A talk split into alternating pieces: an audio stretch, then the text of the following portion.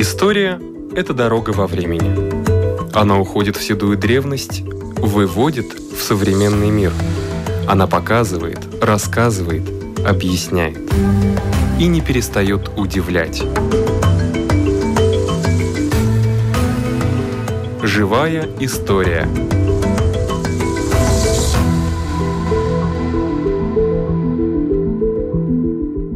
У микрофона Лидия Чера.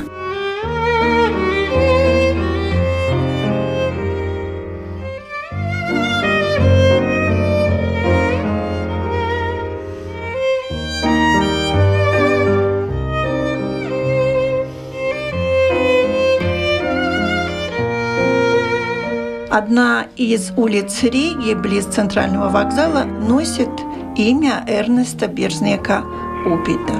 Первая Тукумская школа имени Берзника Упита в 1971 году свет увидела почтовая марка.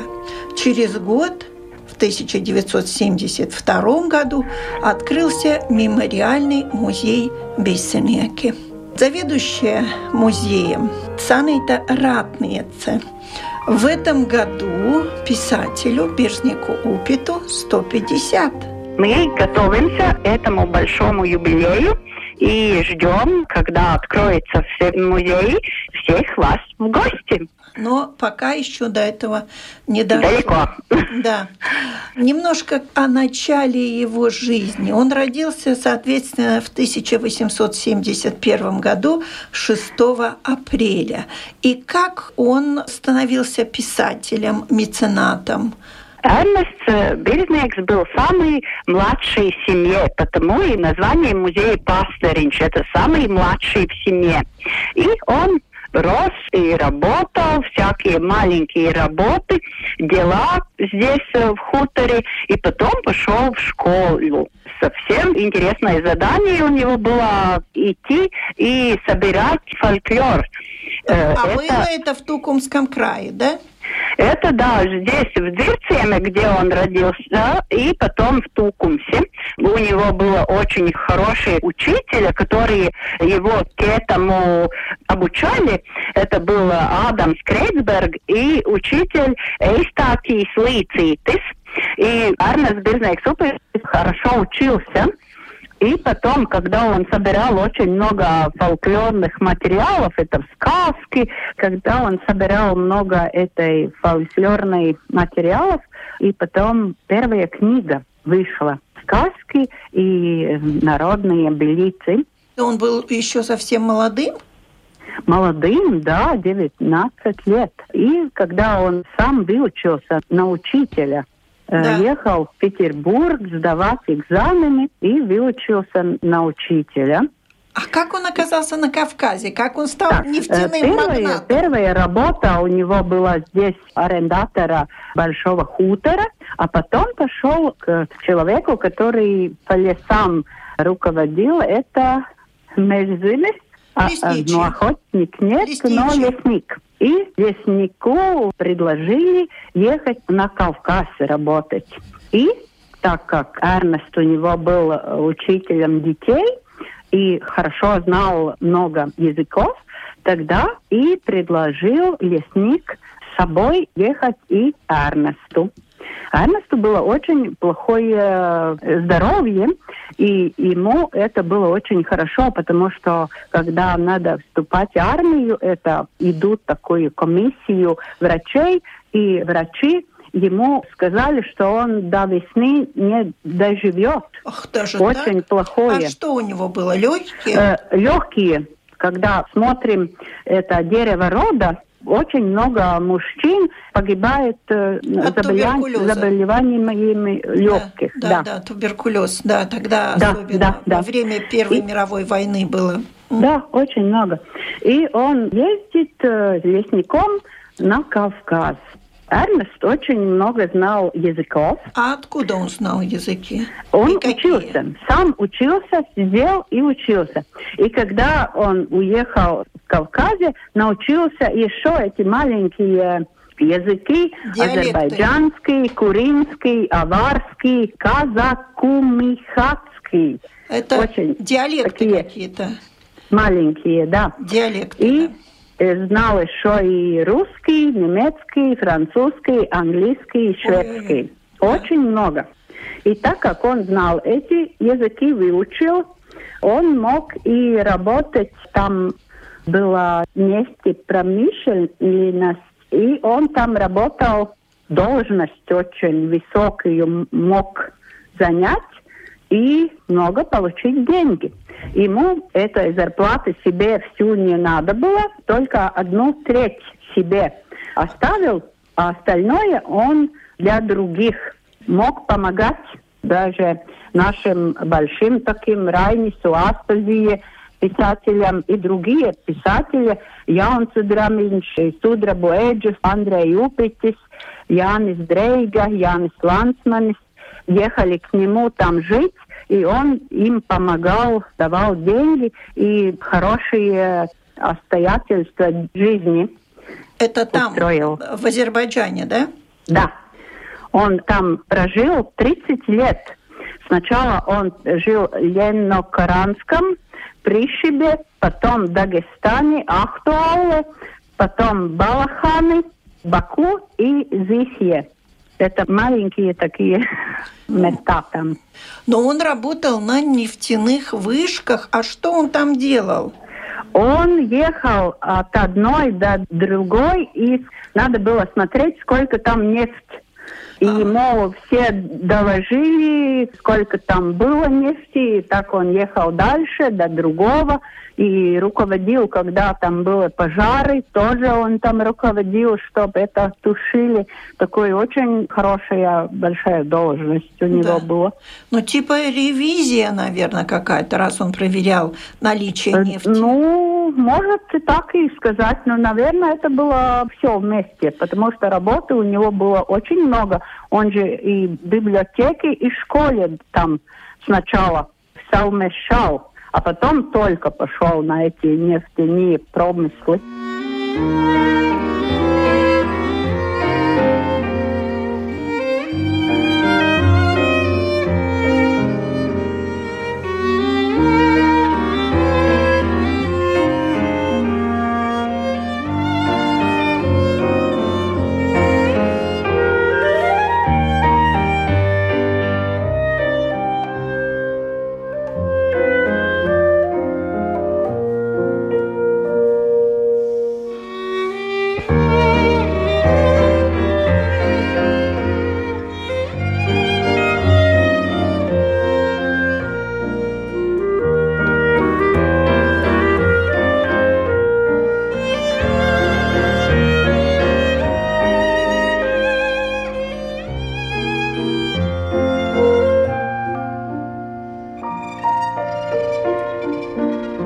Лет он там прожил и тогда да. вернулся в... Встретил свою любовь.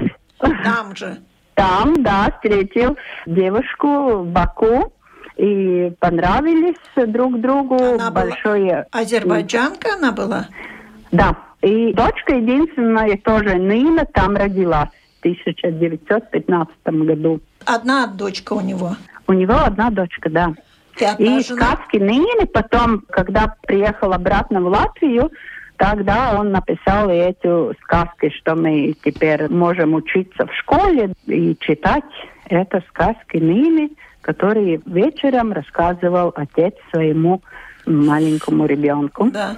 Сколько книг на его деньги были изданы в Латвии? Есть такой вообще какой-то подсчет? Есть, есть. Так как у него было очень много денег, он и решил, что надо помогать и в Латвии всем людям, и всем писателям. И начинал издательство в Риге «Зирцемники». Uh-huh. И там за него деньги, 200 тысяч рублей он вложил. И 67 книг, и многие еще раз и еще раз. И Райнису Аспазии там много таких разов хорошие книги.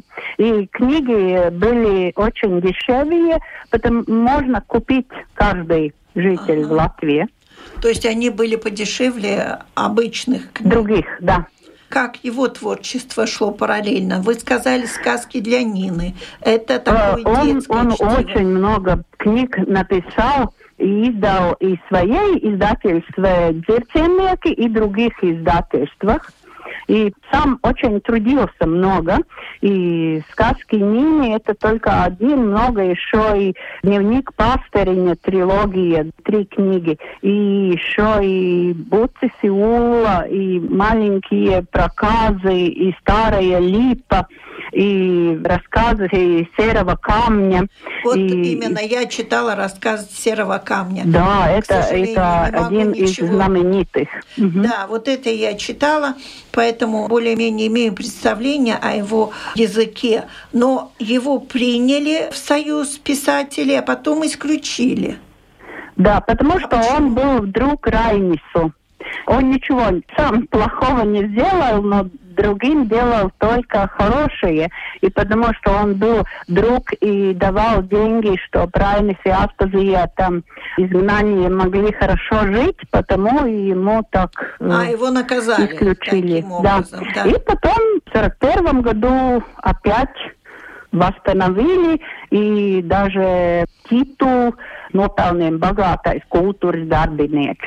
А, Это... заслуженный деятель культуры Латвии. Да, да. А где он жил в Латвии? Сначала он жил в Риге. А где э, адрес С Биркертом вместе. Э, это не архитектора родственники? Родственники. Родственники, но не Биркерт сам, да. архитектор. И потом вместе с Биркертом поехали жить в Юрмалу, после войны уже потом из Риги в Юрмалу. И в самом конце жизни три года он сам себе жилье, дом построил и живет уже без Биркертов. А где он построил? Недалеко Лилупе, дом Гулдуру, проспект 104. А в Риге где он жил? Есть какой-то э, памятный знак? Вейденбаума улица 4 вместе с Биркертом и Робертом Розой, Роз. старшего брата сын. Яниса Роза, да? Роберт, потом Янис. Это из тех из сестры. Сын сестры. Его да. сестры. Анна Собирника Упита сестры, да. Он много путешествовал? Это была его любовь, это деньги, которые он себе позволял и своей семье, когда он путешествовал по Австрии, Андору, по Бельгии, Франции, Лихтенштейн, Люксембург, Монако, Нидерланд, Швейцария, Германия, Турция, Египет. И ехал и в Латвию. Россию посещал очень много раз. Он путешествовал и познавал мир. Ему нравилось путешествовать да. уже. И когда Райна Сиастазию им тоже было очень плохое здоровье, он посоветовал им тоже ехать в Египет и Александрию, там отдыхать, и деньги оставил, чтобы они могли поправить здоровье. А каков он был по характеру, вот вам кажется, как? Он был такой тихий, все эти знаменитые люди, которые пошли потом в Юрмале, где он жил, к ему гости, там было очень много, там кипела жизнь такая, и он сидел так э, сторонки, внимательно слушал, все видел, все знал, все запоминал, давал советы, если ему спрашивали. Он был такой ну, наверное... как бы в центре, но так никому созерцатель не больше. Больше созерцатель. Да. Он смотрел со стороны да, и да, наблюдал. И если надо было, помогал. То есть он был безотказный. Да, да.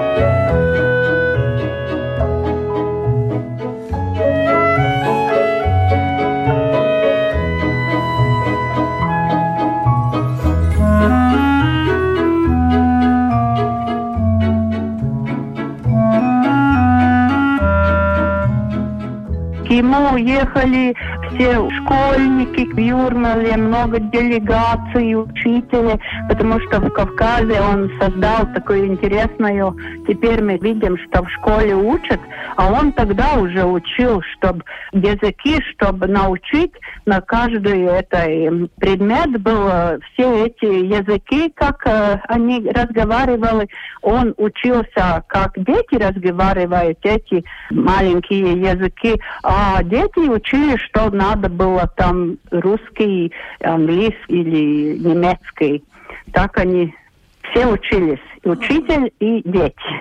Скажите, ведь в то время уже Минокс был фотоаппарат. Он сам не фотографировал, не привозил фотографии из путешествий? Есть, есть его такие, но они его не такой очень хороший качество, но есть его эти все снимки, где он путешествовал, можно и найти. Вы считаете, как бы он был больше меценат, чем писатель? Вот на ваш но... взгляд. Он то и то делал. Он не мог сам без работы сидеть. Он и переводил из других э, языков. И сам тоже все очень много книг Писал, ему. да? А да, что он переводил? Какие время. его переводы? Переводы были из э, Шиллера, Гетта и много всяких. А темы э, его работ вот художественных, о чем он писал? Он писал о жизни. Он сам говорил, я могу писать только, что я увидел, что я через себя пропустил, что это все было так обыкновенно очень много такие старинные слова и места слова и очень такая. Но это сельская жизнь или городская? Сельская. И когда он э, в Кавказе жил, э, это те люди там все очень кавказские рассказы, и Джамаледин, и, и Орел, очень много такие про жизнь. Да, ну вот такое ощущение, что 30 лет прожить на Кавказе, там ведь такие темпераментные люди. Наш северный менталитет очень как-то не подходит, но он с ними хорошо сотрудничал и жил. Да, он был как наставник, как друг. Все ему там звонили, спрашивали, как это делать, как то делать. Он давал советы, и все на его положились. Он и деньги давал, чтобы они новые дела начинали.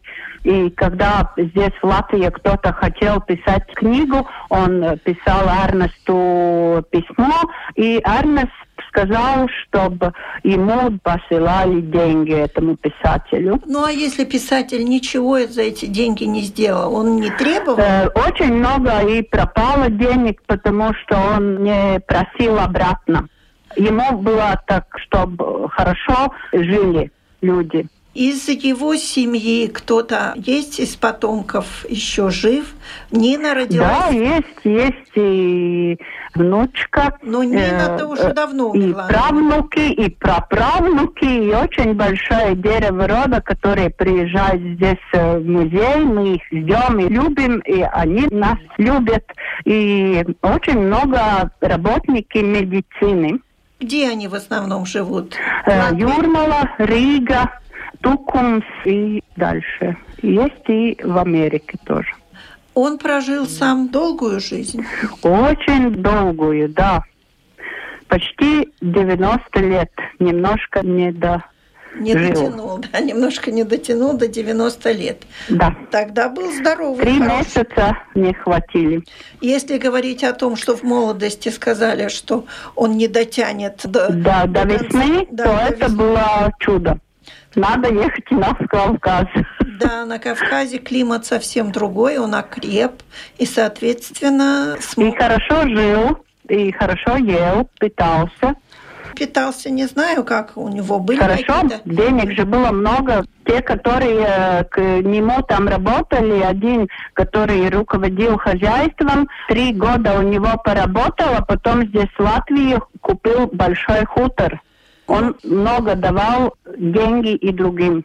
Работникам да. своим. Это я понимаю, но много денег это не значит хорошее питание. У него жена была очень хорошая хозяйка. Потом, когда здесь в Юрмале, она на плов всех э, созывала. Это было что-то чудесное, которые пробовали. Плов, да, Азербайджан. Да, Эмма была очень хорошая хозяйка. И внучка сказала, когда мы разговаривали, что о ней даже каждой пилинке надо было быть на своем месте. Такая очень хорошая хозяйка. Она приехала сюда, и сколько они прожили вместе? Много же. Она четыре года его прожила дольше. Но она моложе была, наверное. Да, очень, даже 22 года. Моложе. Да. Но он женился-то не будучи совсем молодым. Он был уже в возрасте. В возрасте родственники молодой девушки были против сначала этой свадьбы, но любовь победила. А на ваш взгляд, он был красивым? Там он джигит такой, ух, мне очень нравятся эти фотографии, когда он молодой, и там на Кавказе, когда такой... Темноволосый? Такой бурке, да, да, такой. Мог бы сойти за местного жителя даже. Да, да, да красивый. Да. Когда на фото эти все, которые работники этого Бекендорфского промысла, тогда он самый такой из них так, красивый, и он и по, да, и по росту, наверное, как латышу положено. Он и по росту, наверное, повыше Азербайджан. Ну, так и в больших шапках там не можно видеть, которые из них Ну, все, ну, так он лучше всех выглядит. Не будь Эрнеста Бирнека Упита, мы бы не увидели много книг которые с его помощью были изданы. Это прекрасное его меценатство. Но тогда, в то время, меценаты, это было движение очень развито. Потом со временем оно куда-то делось. А это было такое меценатство чистой воды, скажем так, как в свое да. время было. Да.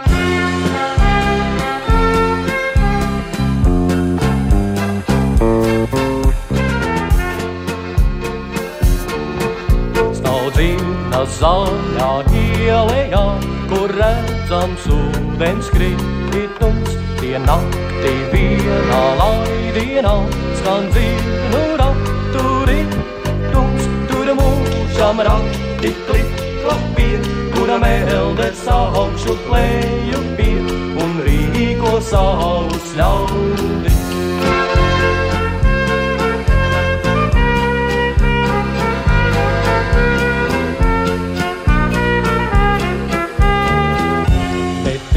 kamēr mājās daļavam, tas čaklais rūtīt strādā. Pirš galdus uzpoš katru vien un čaklī vēpjunā. Un kontā augšu klēju pie, tai koka kurpes klip, klapie, pagludu dēļu.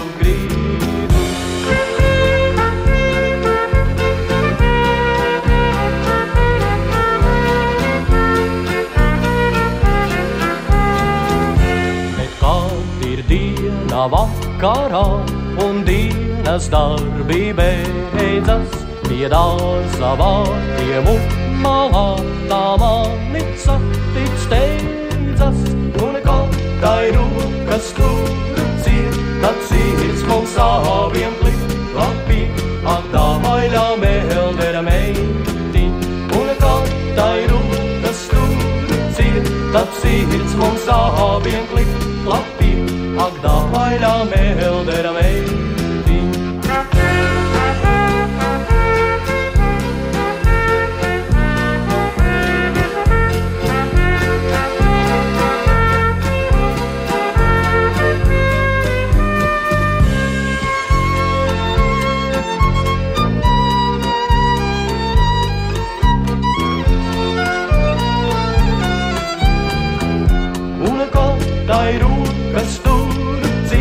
nad sīnits mums sahabiem klik, klapī, atdāvaļā mēldera meitiņ. Un kattai rūkas turu ciet, tad sīnits mums sahabiem klik, klapī, atdāvaļā mēldera meitiņ.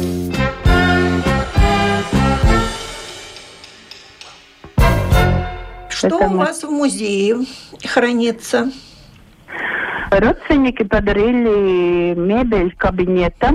Это можно здесь посмотреть. Можно все книги, которые Арнес Бирнекс написал и которые издали дзирцемники. Тоже некоторые книги здесь можно и такие милые э, предметы, милая чашка, которую Анта Клинц ему подарила каждое утро, когда он пил кофе из него. И такие очень интересные. И последнее это рояль, который он подарил своей внучке, чтобы она играла. Это тоже здесь можно увидеть в музее. Это Нинины дети, да?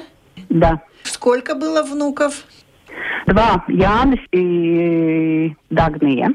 Книга «Kustīgais Jānītis» – это про Яниса, и «Mazmeita Dace» про Дагнию. А этот дом, вот в котором находится музей, он именно тот дом, где жил Берзняк Упиц? Это был старый дом, где жил Арнес Берзняк Упиц, где родился и когда шел в школу. Это больше мы можем только увидеть в этом маленьком макетике, который у нас здесь у дома. Музей доме, которого построил старший брат Карлос потому что Арнес давал деньги и своей семье, и Карлису. У Карлиса было девять детей старшему брату, и он помогал ему тоже. Вы говорили... Самое лучшее было здесь тоже в Дверцеме Беснеке. Да. Вы говорили, что он был пасторинч, то есть последний ребенок. А сколько последний. всего было? в этой семье э, детей? Один братик умирает маленький, был старший брат Карлис и Юлия, сестра которой вместе они всякие там показы делали потому что Карлесу надо было уже работать всякие большие работы, потому что умирает Эрнесту отец, когда ему три годика только, и все большое-большое, это 50 гектаров, все надо было матери делать все работы. жизнь была непростая, но у него вообще биография очень богатая. Это, по-моему, единственный писатель, который не нуждался в Латвии да. и, может быть, даже во всем мире, потому что главное, что писателя мотивирует больше работать, это то, что недостаток средств. А, а в этом случае это было еще и меценатство, это прекрасно. И в этом году Эрнесту Бирзнеку Упиту 6 апреля исполняется 150 лет. Будет ли какая-то хотя бы виртуальная экскурсия? Что можно будет увидеть? Мы думаем, мы ждали большой праздник, но надо теперь что-то думать другое. И потому мы, мы думаем, что может и будет виртуальная такой... Экскурсия какая-то, да? Да, экскурсия, да. Спасибо вам большое. У нашего микрофона была заведующая музеем Пастыриня Санита Ратница.